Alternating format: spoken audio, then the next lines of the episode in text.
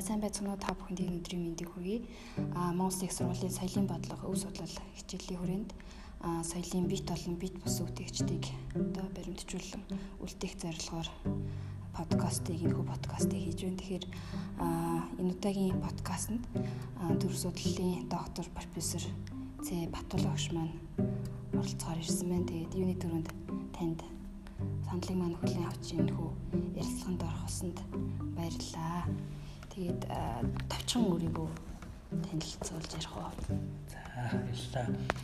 За би төрөө судлалын дахин Монгол Улсын сургууль ерөнхийдөө 20 гаруй жил ажиллаж байгаа юм байна шин.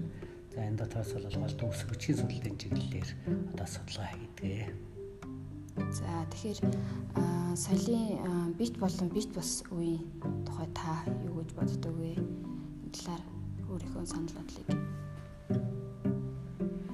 Тэгэхээр соёлын болон бит болон бит бус өвийн талаар бол олон зүйлийн саналуд байдаг л да. Тэгэхээр мэдээж хэрэг яг миний мэрэгжлийн тухайд гэдэг юм уу бид нар мэрэгжлийн тухайд аваад үзвэл соёлын бит бус өв бит өвийн одоо маш их өргөн баялаг боломжтой тийм улс орнд бид нар өнөөдөр амьдарч байна гэж ойлгох хэрэгтэй. Энэ яг юу хэлээд байна вэ гэхдээ зэрэг өөрөөр хэлбэл үсвчийн тусгалыг би халагдуулан хэлхийг хүсэж байгаа. Монгол нутг бол дэлхийд дахинд үсвчийн тусгалаар алдартай. Монгол нутагт нийтдээ нэг 21 орчим зүйлийн төрлийн үсэг бичих байгаа.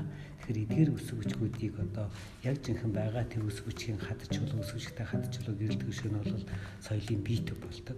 А тэрдгээр үсэг бичгүүд ямар учиртай хэдгээр зүйн үед толгойдох ямар дурсгалууд гэдгийг нь бол судлаж байгаа судлаачид маань тэр соёлын үеийг тээгч нар тэр соёлын үеийг олон түмтэй хойж үдэ өвлүүлэгч тээгч нар гэж ингэж үзэх бүрэн боломжтой юм аа гэж би боддог. Тэгэхээр бид нарын мэрэгжлийн хувьд бол их хүч судлаач гэдэг юм уу бичих судлаач хүмүүсийн мэрэгжлийн нэг онцлог нь бол нэг талаас тэр соёлын үеийг олон нийтэд системтэй шинжлэх ухааны зөв мэдээлэл олох тэр ажлыг хийж гүйцэтгэж байгаа болохоор бид нар соёлын үг тэгжээ гэж ингэж үзэгддэг. За тэгэхээр бичгийн дурсгалын өвийг одоо цаашид хэрхэн одоо өглүүлж үлдээх вэ? Энэ талаар Тэгэхээр монголчууд маань бичгийн тусгалыг үгүй даад үзэхээр бол монгол бичгийн тусгал гэдэг юм зөвхөн монгол бичиг мэтэр төсөөлдөг. А гэтэл монгол нутагт бол асар олон зүйлийн бичих үсгийн тусгал байгааг өмдөрцөн. Тэдгээр бичгийн тусгалуудыг үндсэндээ зөв ойлгох, за тэрний одоо мэдээллийг зөв авах, за түүгээр дамжуулаад тэр их олон өс бичгийн дурсгалуудад дээр гарч байгаа төв соёлын холбогдлоо тэдгэр зүйлийг одоо зөв таних мэдэх нь бол туйлын чухал юм.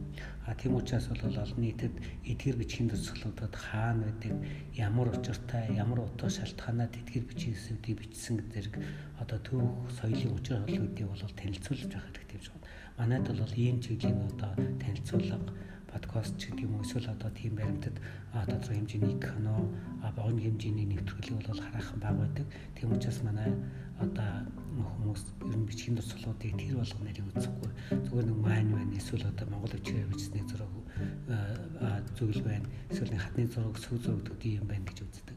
Өнчийн нартаа тэр хэдэн зуун мянганаар уламжлаж ирсэн соёлын битүү гэдгийг бол тэр болгоно анзаардаг. Тийм учраас бол олон түмэнд бол энэ бичиг дурсгалын тэр соёлын дурсгалын видеоыг хадгалах хамгаалах талаар системтэй тийм боловсрол олох зүйтэй байхаа гэж ингэж боддог.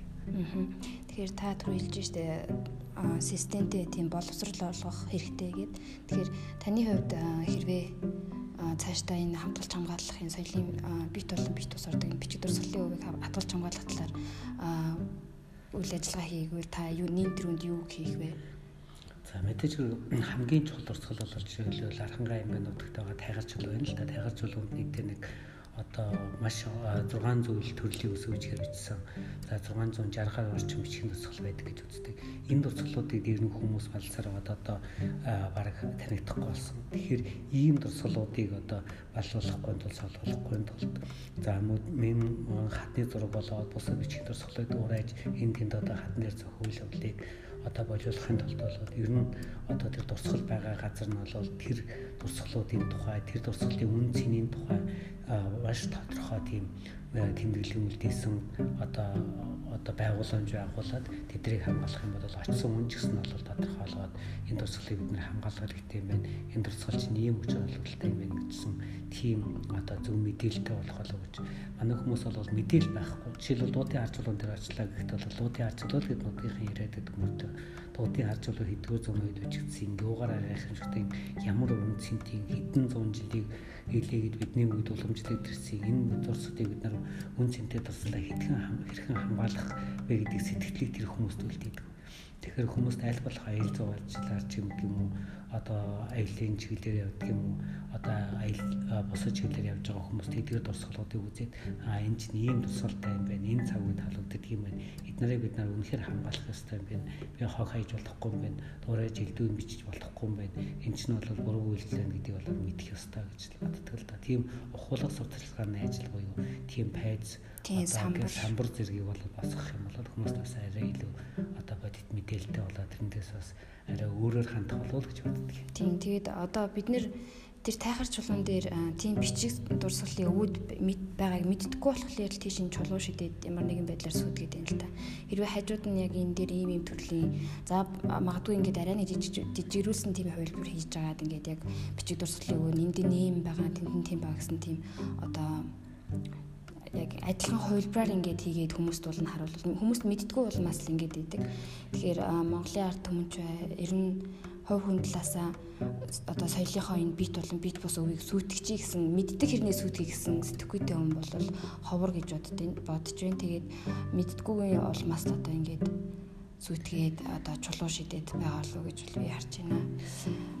За тэгээд нөгөө сүүлд хүмүүс бол нөгөө бие биегээ дурайх Тэгэл нэг хүмүүс харчаад хар бэхэр бичсэн дөө би ч гэсэн нэрээ бичиж гэж бодоод байдаг. Тэр ямар учраас нэрээ бичсэн? Яагаад бичиж болох болохгүй? Талаар өдөөсөө боддгоо. Өөрөөр хэлбэл үн цэнтэй дурсгал тэнд байна гэдэг өдөөсөө ойлгохгүйгээр мэдхгүйгээр очиод зүгээр бусдын дурайгаал даган байсаад л тэн дээр одоо цаохрлаад байгаа болохоос биш өөр юм байхгүй л дээ. Хууч нь бол яг тэр дурцгалыг бол хажуу талд нь тийм одоо зөрчирж өнгөрсөн хүмүүс нэрээ бичих өглөөд нь тийм одоо тусгай усны хат тавьчих. Тэгвэл хүмүүс тэн дээр бичих болов гэж саналыг хүртэл гаргаж ирсэн.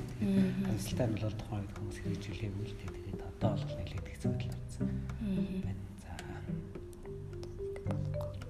За танд подкастт маань хүрэлцэн ирж та энэ хүү гайхалтай зөвлөгөө өрийн санал болоод дэвшүүлсэнд маш их баярлалаа.